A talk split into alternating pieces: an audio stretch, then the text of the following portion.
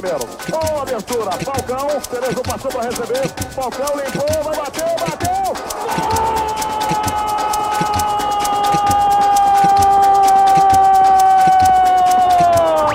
Brasil! Radio Chyba pierwszy raz podcast z Radia Brazylii będzie nagrywany bezpośrednio do telefonu komórkowego.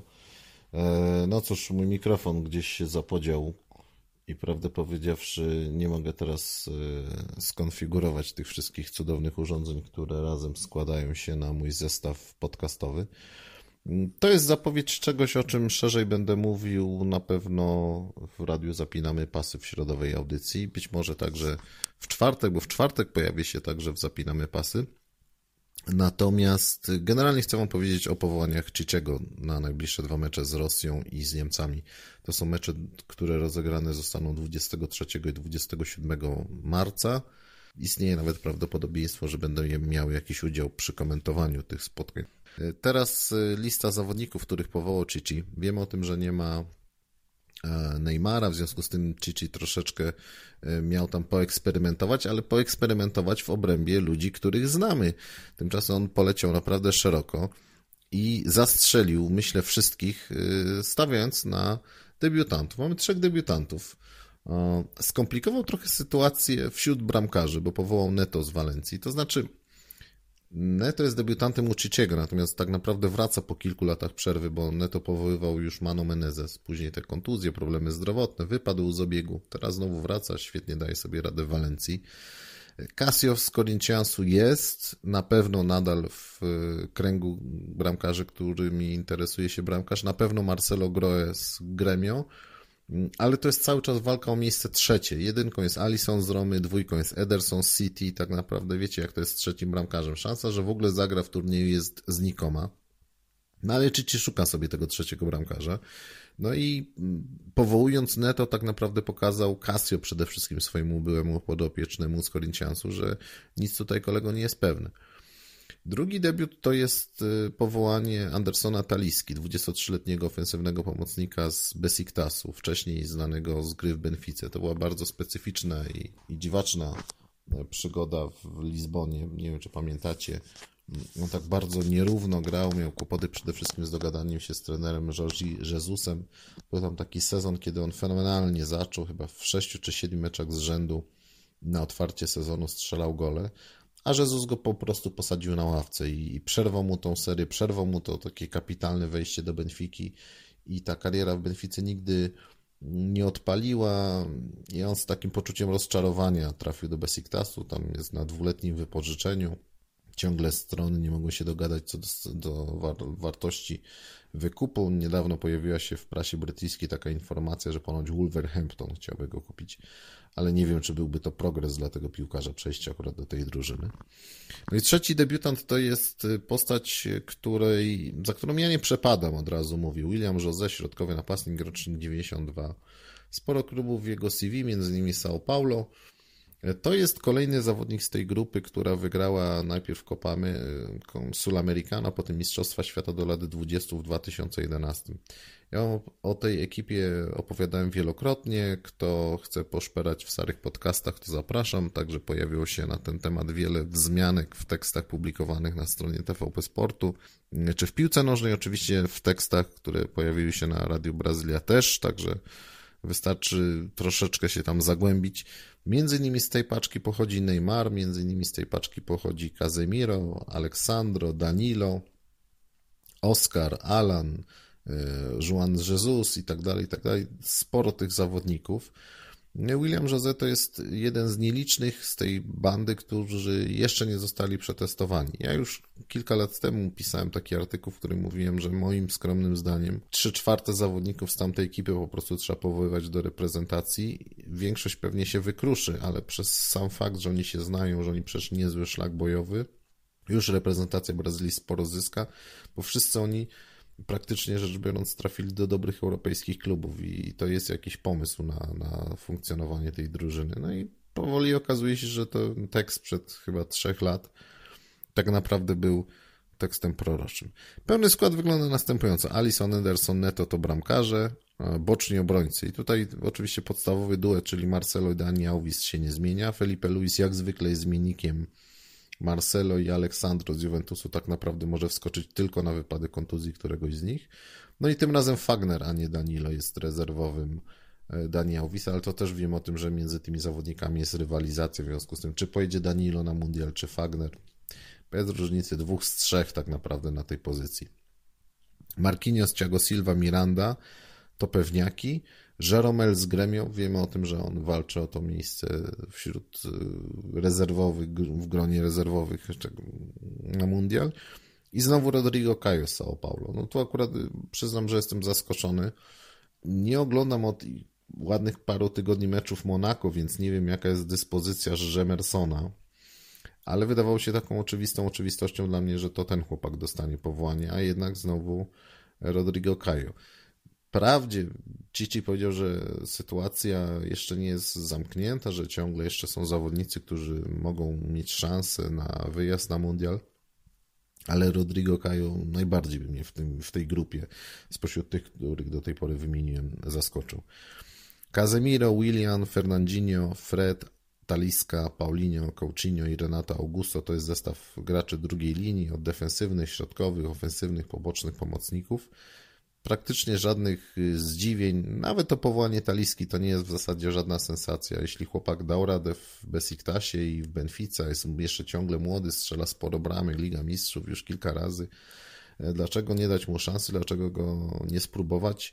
Dlaczego nie otworzyć mu jeszcze nadziei na to, że może włączyć się do walki o miejsce w kadrze Brazylii? E, tym bardziej, że akurat jeśli chodzi o graczy w środkowej strefy boiska, ktoś taki by się przydał. Taliska, jak pewnie znacie go, potrafi kapitalnie strzelić. To są świetne rzuty wolne, strzały z dystansu. To jest taki chłopak, który tak naprawdę mógłby z powodzeniem e, dublować pozycję Paulinia.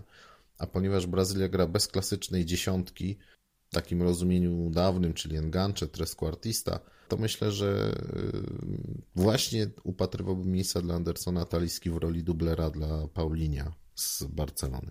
Napastnicy Gabriel Jesus, Douglas Costa, Roberto Firmino, William Jose, o którym mówiłem, i Tyson z Szachtara Donieck. No uparcie stawia na Tysona Chichi.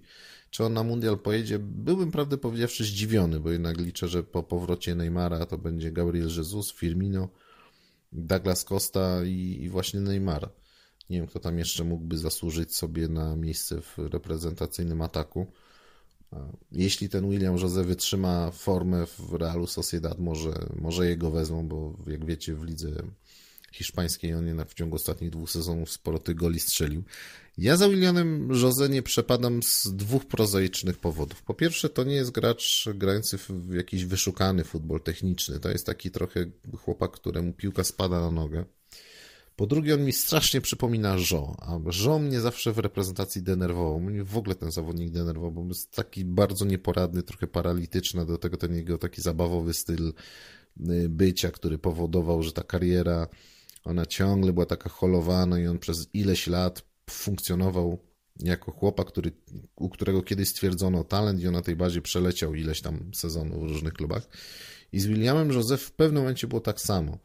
Pamiętam, że on po tym e, mundialu do lat 20 e, przez kilka sezonów e, właśnie bawił takim, cieszył się tak naprawdę taką opinią no, chłopaka ze złotej generacji, któremu na pewno coś się uda. Na jego szczęście, chyba w przez pierwsze dwa lata tak e, funkcjonował w klubach Ligi Brazylijskiej. Nie wszyscy się dawali na to nabrać, ale kilka klubów i owszem. W każdym razie na jego szczęście jego menadżer wysłał go do Europy i on dostał straszne baty w pierwszym sezonie w Europie. E, natomiast się pozbierał, to znaczy wziął się solidnie do pracy, wziął się solidnie do roboty. William Jose trzy lata temu i William Jose dziś to są praktycznie rzecz biorąc mentalnie dwa inni piłkarze. Natomiast jego styl grania to jest, to jest coś, czego ja nie lubię. To jest taki zawodnik przy całym szacunku Teodorczykowaty trochę, to znaczy nie jest to wyśmienity technik, to jest taki zawodnik, który gdzieś tam z walki, z jakiejś tam przepychanki coś strzeli. Ja brazylijskich napastników cenię za inny styl grania. Ja się wychowałem na Karece, ja się wychowałem na Romario, Bebeto. To jest brazylijski napastnik z czymś innym mi się zupełnie kojarzy, z pewną gracją, z pewną swobodą, lekkością, łatwością, z dziesiątkami różnych rozwiązań, żeby sfinalizować akcję. Coś, co potrafi z piłką zrobić Gabriel Jesus, czy, czy Firmino nawet, chociaż on bazuje na dynamice szybkości, ale, ale Neymar, no to to już jest oczywista oczywistość. To są rzeczy nieosiągalne dla, Williama Jezusa, który no, no nie jest zbyt wykwintnym i finezyjnym piłkarzem i, i no, najzwyczajniej w świecie zawsze ci gracze, ja jestem na nich uczulony. Cztery lata temu i osiem lat temu na mundialach brakowało nam właśnie takich finezyjnych graczy e, z przodu. Osiem lat temu w zasadzie tylko Robinho i Luis Fabiano potrafili coś efektownego z piłką zrobić. Cztery lata temu to już była w ogóle katastrofa. E, no i daj Boże, żeby jednak ciekawszy zestaw zawodników y, był z przodu, dlatego że no, wtedy jest zawsze nadzieja, że e, przy trudnych, wyrównanych meczach, przy takich meczach, kiedy nie idzie, właśnie ten błysk geniuszu, ten wielki talent, ta, ta, ta ogromna witalność w połączeniu z fenomenalną techniką, wtedy przypomni nam e, to, dlaczego zainteresowaliśmy się kiedyś brazylijskim futbolem i dlaczego staliśmy się jego fanami. Radio Brazylia.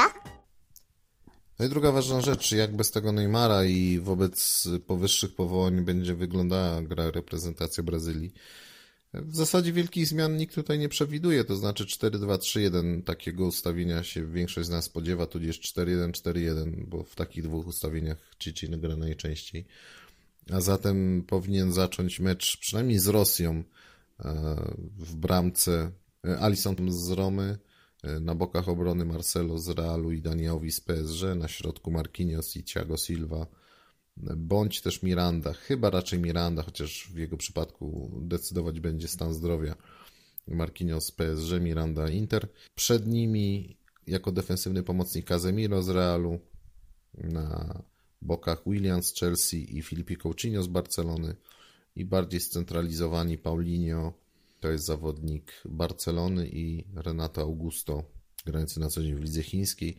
Prawdopodobnie na szpicy zobaczymy jednego tylko zawodnika, Gabriela Jezusa. To by oznaczało, że Firmino, Tyson, Douglas Costa i William Jose zaczną to spotkanie na ławce. I to jest jedna opcja. E, druga opcja jest taka, że zostanie cofnięty któryś z napastników i będziemy mieli taki ofensywny tercet e, przed Casemiro i Paulinho. Mielibyśmy wówczas Williana i Filipe Coutinho szeroko na flankach, natomiast asymetrycznie ustawieni wobec siebie byliby Firmino i e, Gabriel Jesus. To był bardzo ciekawy wariant, dlatego że mielibyśmy sporą grupę ofensywnych zawodników, dobrze wyszkolonych technicznie, szybkich, dynamicznych, i to myślę, że mogłoby fajnie zagrać. Byłoby ciekawym doświadczeniem, dlatego że wiemy o tym, że kiedy jest Neymar, jest kłopot trochę z upchnięciem tych wszystkich bardzo dobrych piłkarzy. Wiemy też o tym, że z tą formą bywało nierówno. E, miał trochę problemów w pewnym momencie William Jose, chociaż wiemy, że to nie było spowodowane kontuzjami, a problemami osobistymi. Matka, która samotnie go wychowywała, najpierw długo cierpiała na chorobę nowotworową, potem zmarła i to się odbiło ewidentnie na formie zawodnika. E, wrócił, wiemy o tym, do świetnej formy, jest dzisiaj no, jedną z wyróżniających się postaci Chelsea, w ogóle całej Premier League. E, jeśli idzie o Coutinho, to po zmianie klubu chyba też wreszcie zaczyna łapać rytm świetnie ostatnio powoli się zaczyna rozkręcać. Może świetnie to za mocne słowo. W każdym razie e, na pewno będzie to ciekawe, kiedy i William i Coutinho zajmą miejsce od pierwszych minut w drużynie. Jeszcze znajdzie się tam gdzieś między nimi Firmino, który zna się świetnie z, z tymi chłopakami. Jeszcze gdzieś Gabriel Jesus, także to może być ciekawy wariant. I paradoksalnie, to jest to, o czym mówiłem już i w Zapomina mnie pasy i pisałem o tym dla piłki nożnej, może się okazać, że ten brak Neymara to jest znakomite rozwiązanie. Dlaczego? Brazylia, wiecie o tym, Mundial 2014, Copa America 2015, jeśli Neymar wypadał ze składu ze względu na kontuzję czy kartki, od razu turnieje się dla Brazylii kończyły. W 2016 pojechali na turniej bez Neymara, on pojechał na Igrzyska Olimpijskie i ten turniej też się skończył klapą. Innymi słowy, ani Felipe, ani Dunga nie mieli w ogóle pomysłu na to, jak, z, jak zagrać y, na okoliczność braku Neymara. Trochę to spowodowało, że e, sami zawodnicy grający w jego otoczeniu e, zaczęli się zachowywać jak jakieś bezwolne marionetki, chociaż przecież grają w znakomitych klubach grających co roku w Lidze Mistrzów, wygrywający trofea, a jednak jakoś bez Neymara zachowywali się trochę jak Argentyńczycy bez Messiego. To znaczy obecność Messiego ich paraliżuje i tutaj mamy kuriozalną sytuację, bo tu Neymar tak paraliżuje, chociaż dorobek Neymara no nieporównywalnie mniejszy od dorobku Leo Messiego. Natomiast wydaje się, że Cici jest pierwszym trenerem, który z tą problematyką próbuje się zmierzyć. Jak na razie jeszcze bezskutecznie, dlatego że w czterech meczach, których prowadził reprezentację Brazylii, wygrał 3, jeden przegrał, zgoda, ale tylko jeden to był mecz o punkty i z nieistotnym rywalem, jakim jest Wenezuela. Natomiast to, że wygrywał e, na przykład z Australią, niczym nie świadczy, ponieważ tylko raz grał w meczu przeciwko ważnemu rywalowi liczącemu się, to był mecz z Argentyną, notabene też rozegrany w Australii, wtedy Brazylia przegrała 0-2. A zatem paradoksalnie, i powtarzam to do znudzenia, bo już i pisałem o tym i mówiłem, mecze kontrolne z tak ważnymi rywalami jak Rosja, przypomnę gospodarz turnieju, więc będą bardzo chcieli się wykazać na własnym terenie z Brazylią, pięciokrotnymi mistrzami świata, więc to będzie trudny sprawdzian, no a później mecz z aktualnymi mistrzami świata, z tymi, którzy zhańbili brazylijską w piłkę 7-1, to niezapomniane 7-1, więc dla Brazylijczyków to z kolei będzie super ważny mecz. Innymi słowy, przedsmak tego, co Brazylia jeszcze może zagrać, co może pokazać, na co może się nastawiać w konfrontacji z Europejczykami, bo to też ważna zmiana. Wreszcie Brazylia przed najważniejszą imprezą gra w towarzyskich meczach z ważnymi rywalami, przecież niedawno grała z Anglią. I wreszcie będzie okazja na przetestowanie jakiegoś planu B i to właśnie przeciwko mocnym rywalom, co bardzo się chwali, z czego ja muszę powiedzieć, że jestem bardzo, bardzo zadowolony.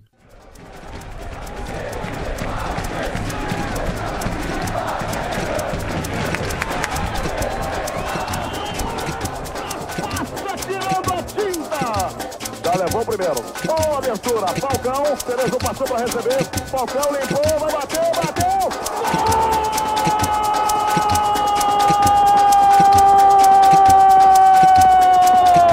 Gol! Brasil!